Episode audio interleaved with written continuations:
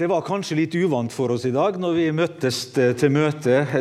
Vi mangla på en måte litt av, forsamlinger. Barna, småbarnsfamilier. Eh, men vi vet de er her. De er andre steder på huset. Som Asbjørn sa, så er det altså sånn at de begynner rett på istedenfor å være her inne først. Eh, det tror jeg er noe vi som voksne vil savne mest. Men jeg tror det, de ser det sånn i Havana at det er det beste for for Havana. og Derfor har vi i styret også sagt det at det skal være sånn. Det skal legges opp sånn at det til beste for, for barna. Og Så får vi se etter hvert om vi kan få dem med av og til. Det gjør vi nok også. Eh, så Hvis det er noen som ikke er helt enig i det og ønsker å ta noen, så må han ta med som styreleder eller andre i styret, for det vise vi som har bestemt det. Det er ikke andre. Og ellers så, eh, i dag, Jeg må si det også det at jeg kommer til å stikke etter etter nadværmøtet i dag ganske raskt, for at vi skal ut og reise i dag. Eh, så det er ikke fordi at jeg ikke er redd for at eh, hvis noen skulle komme og si noe til meg, at det er derfor jeg stikker. altså. Det er ikke det som gjør det. Eh, det er godt å komme sammen. Det er godt å vite at vi skal få lov til å være i, i Jesu nærhet. At han har lov til å være sammen med oss, og han er her også i dag. Vi skal reise oss, og vi skal lese det som er teksta for dagen i dag. Og Det er Johannesevangeliet, det åttende kapitlet, og vers 31-36 eh, i Jesu navn. Jesus sa da til de jødene som var kommet til tro på ham.: Hvis dere blir i mitt ord, er dere virkelig mine disipler. Da skal dere kjenne sannheten, og sannheten skal gjøre dere fri. De sa til ham, vi er Abrahams ett og har aldri vært slaver for noen. Hvordan kan du da si at vi skal bli fri? Jesus svarte, sannelig, sannelig, jeg sier dere, den som gjør synd, er slave under synden. En slave blir ikke huset for alltid, men en sønn blir der for alltid. Får Sønnen frigjort dere, da blir dere virkelig fri. Vi takker deg, himmelske Far, for ditt ord. Ditt ord er sannhet, og vi ber om at du helliger oss i din sannhet. Amen.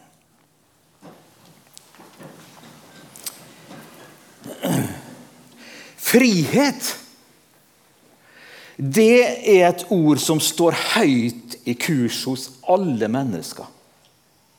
Jeg har lyst til å se det mennesket som vil si at nei, frihet det betyr ikke noe. Jeg trenger ikke være fri. Jo, det er noe som alle mennesker ønsker å være. Vi ønsker å være frie.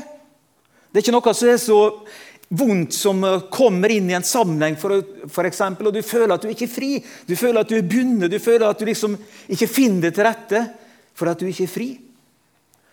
Det er så viktig å være fri, og det gjelder på så veldig mange plan. Hele vårt liv, alt som angår oss, så er det viktig å være fri. Frihet for en nasjon, f.eks., for eksempel, i forhold til krig. Nå begynner det å bli så lenge siden krigen at det er ikke så mange som har opplevd krigen, men det er noen enda her fortsatt som har opplevd krigen. Og veit hvor stor prisen satt på det når at krigen var slutt. Når det beskjeden kom. Tyskerne har okkupert. Vi er frie. Folk gikk ut i gatene og vifta med flagg og jubla og ropte overalt i Norge. Fordi at friheten var så dyrebar. Ytringsfrihet, f.eks. At vi skal få lov til å si det vi vil, si det vi mener. Og også tolerere at andre sier det de mener. Eh, meningsfrihet, ytringsfrihet og meningsfrihet. Pressefrihet, hvor viktig er det ikke det? At det er en presse som er i et samfunn og gjør sin gjerning, der en skal gjøre en god gjerning. Der man skal peke på ting og forhold i samfunnet som trenger å ses kritisk på. Og Dermed så arbeider for et bedre samfunn.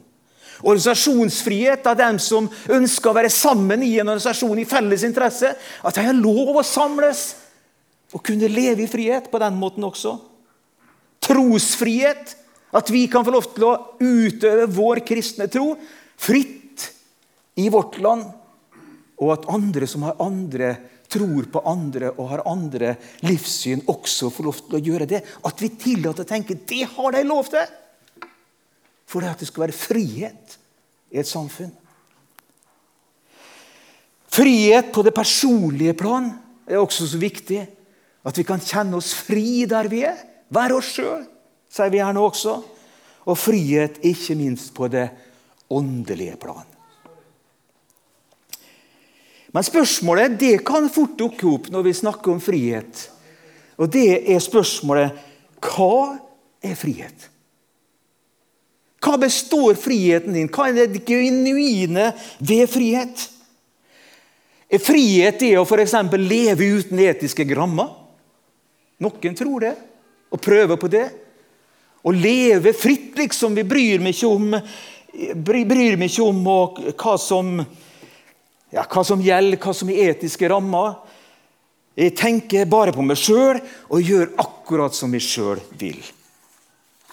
Det kan høres forlokkende ut. Og Det er ikke få, og særlig kanskje i oppveksten og som unge mennesker, så er det ikke få som, som tenker det, og som hører på de røstene som sier 'vær fri'.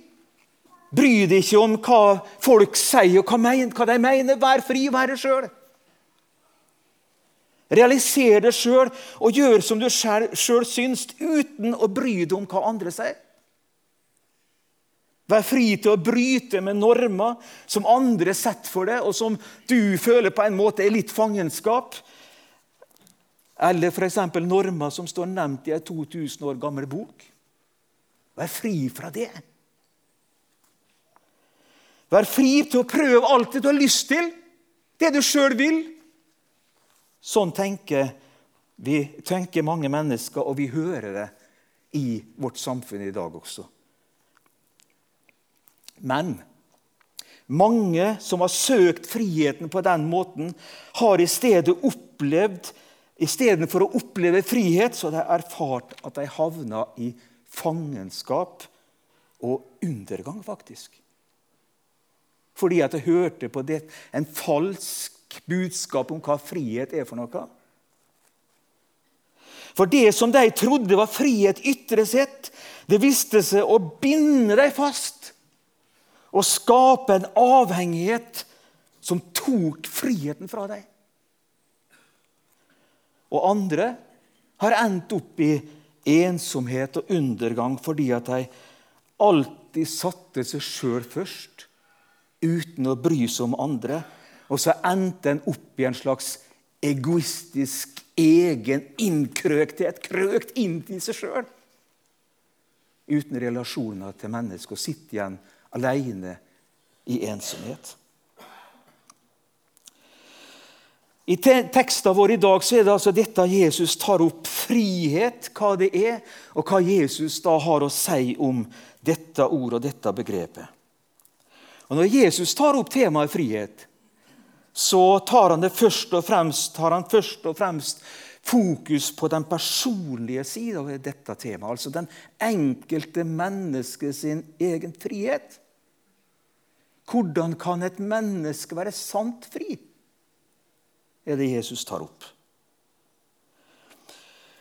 Og Det ser vi når jødene som var kommet til tro på Jesus, kommenterer Jesus ord, Jesu ord om at sannheten skal gjøre deg fri. Da ble jødene opptatt av, ble opptatt av at de var jo jøder, og deres status som jøder De har aldri vært slave for noen. Og de måtte jo være fri. altså De tenkte ikke først og fremst på sin egen personlige frihet, men de tenkte på den status som jødene hadde, og hadde var fri. Når Jesus setter søkelyset på, på den personlige friheten, så betyr ikke det at ytringsfrihet, trosfrihet, meningsfrihet, pressefrihet, frihet fra krig og politisk frihet er uvesentlig. Det betyr ikke det. Alle disse ting kan egentlig gledes ut også av Guds ord og har på en måte grobunn i kristen tankegang. Ulike former for frihet.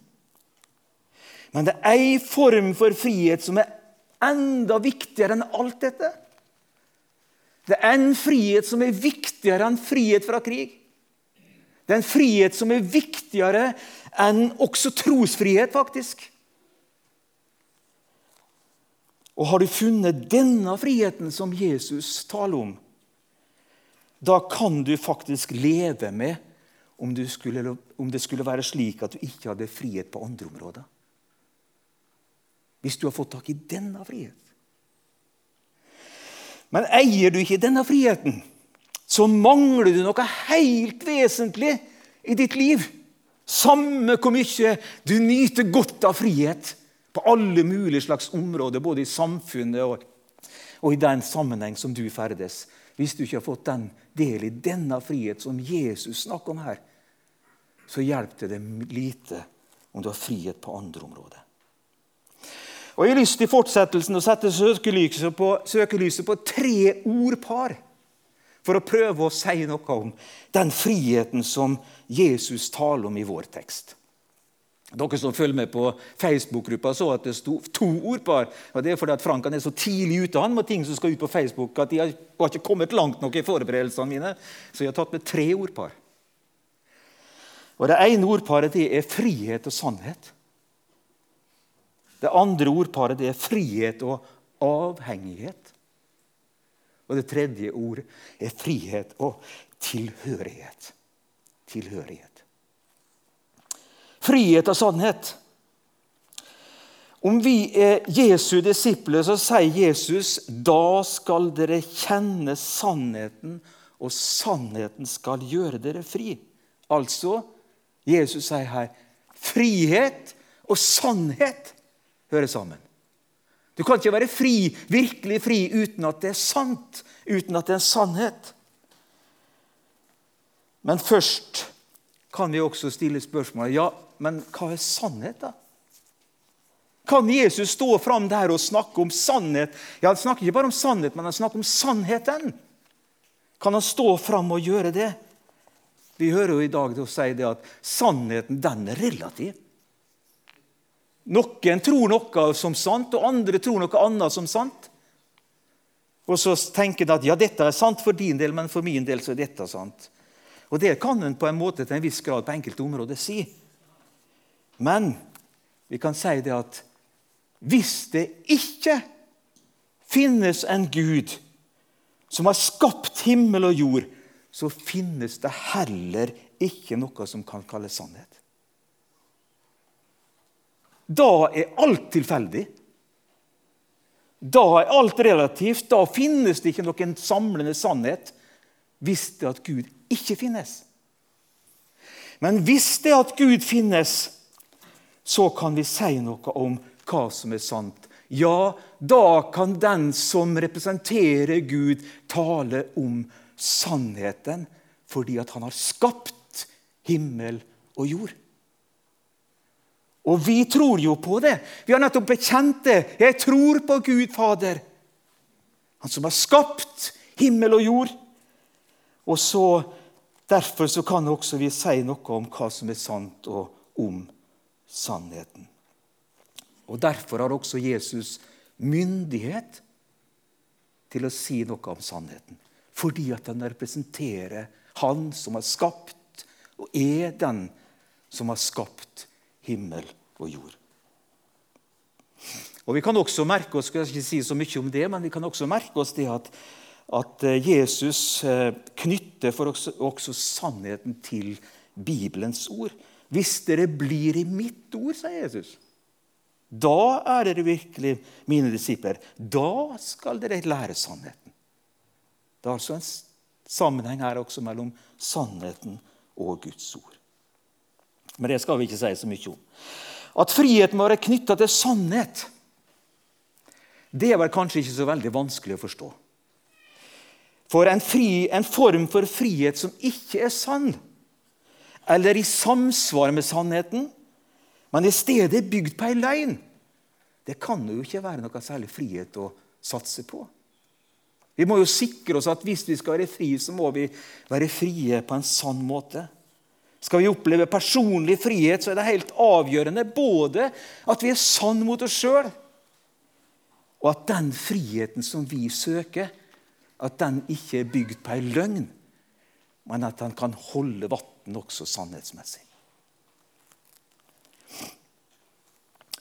Noe av årsaken til at mange opplever så mye, mye nød liv, eh, nød i sine liv, er at de søker en frihet som ikke er sann.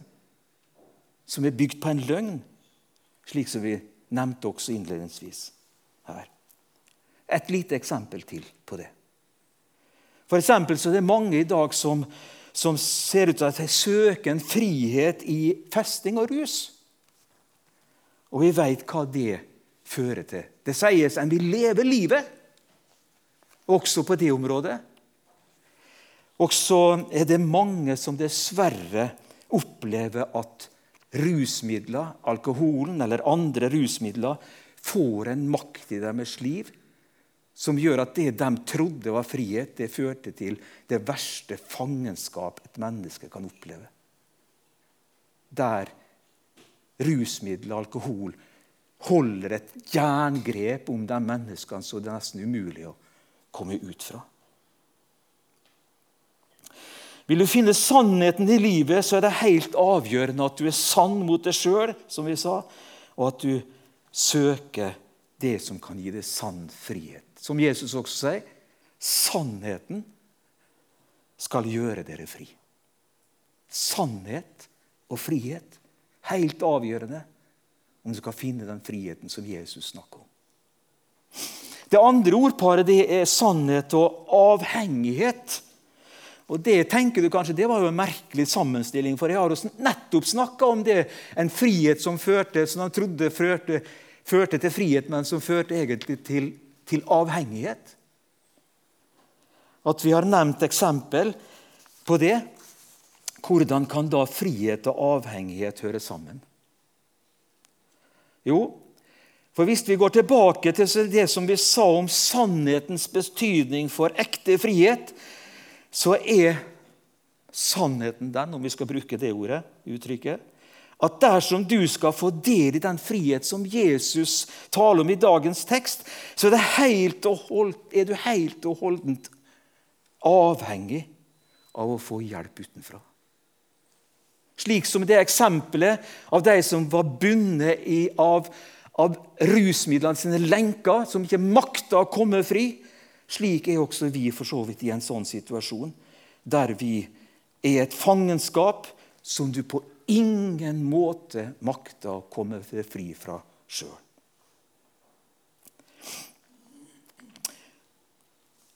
Og Det er derfor Jesus også i vår tekst setter fokus på det som er den store utfordringa i spørsmålet om frihet. For både jøder og for andre mennesker. Og Det er det han sier i vers 34.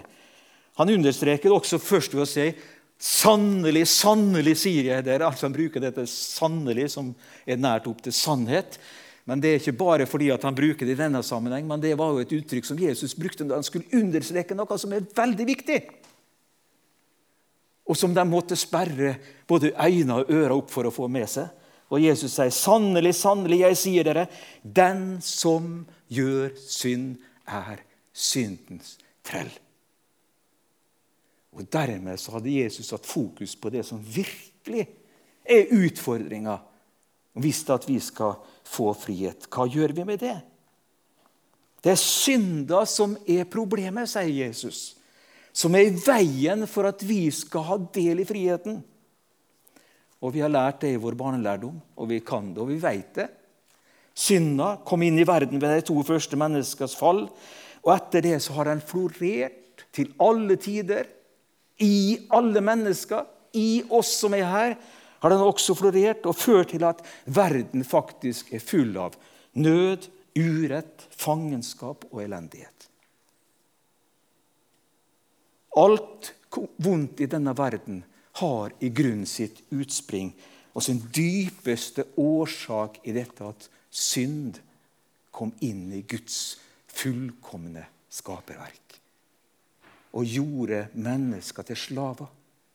Oss til slaver under synd.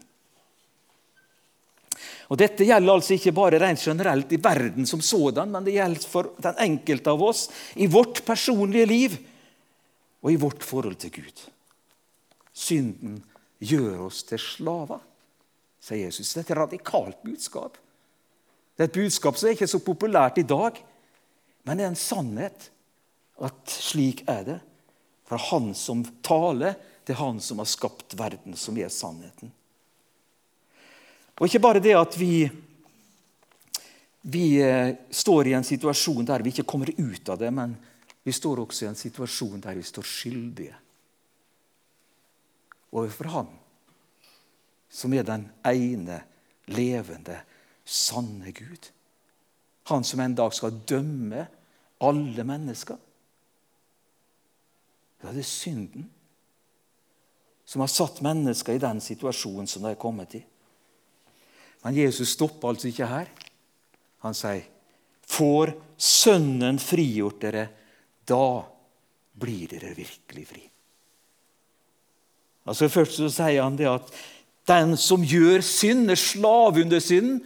Men så sier han, 'Men for Jesus, for Sønnen, frigjort dere, så blir dere virkelig fri'.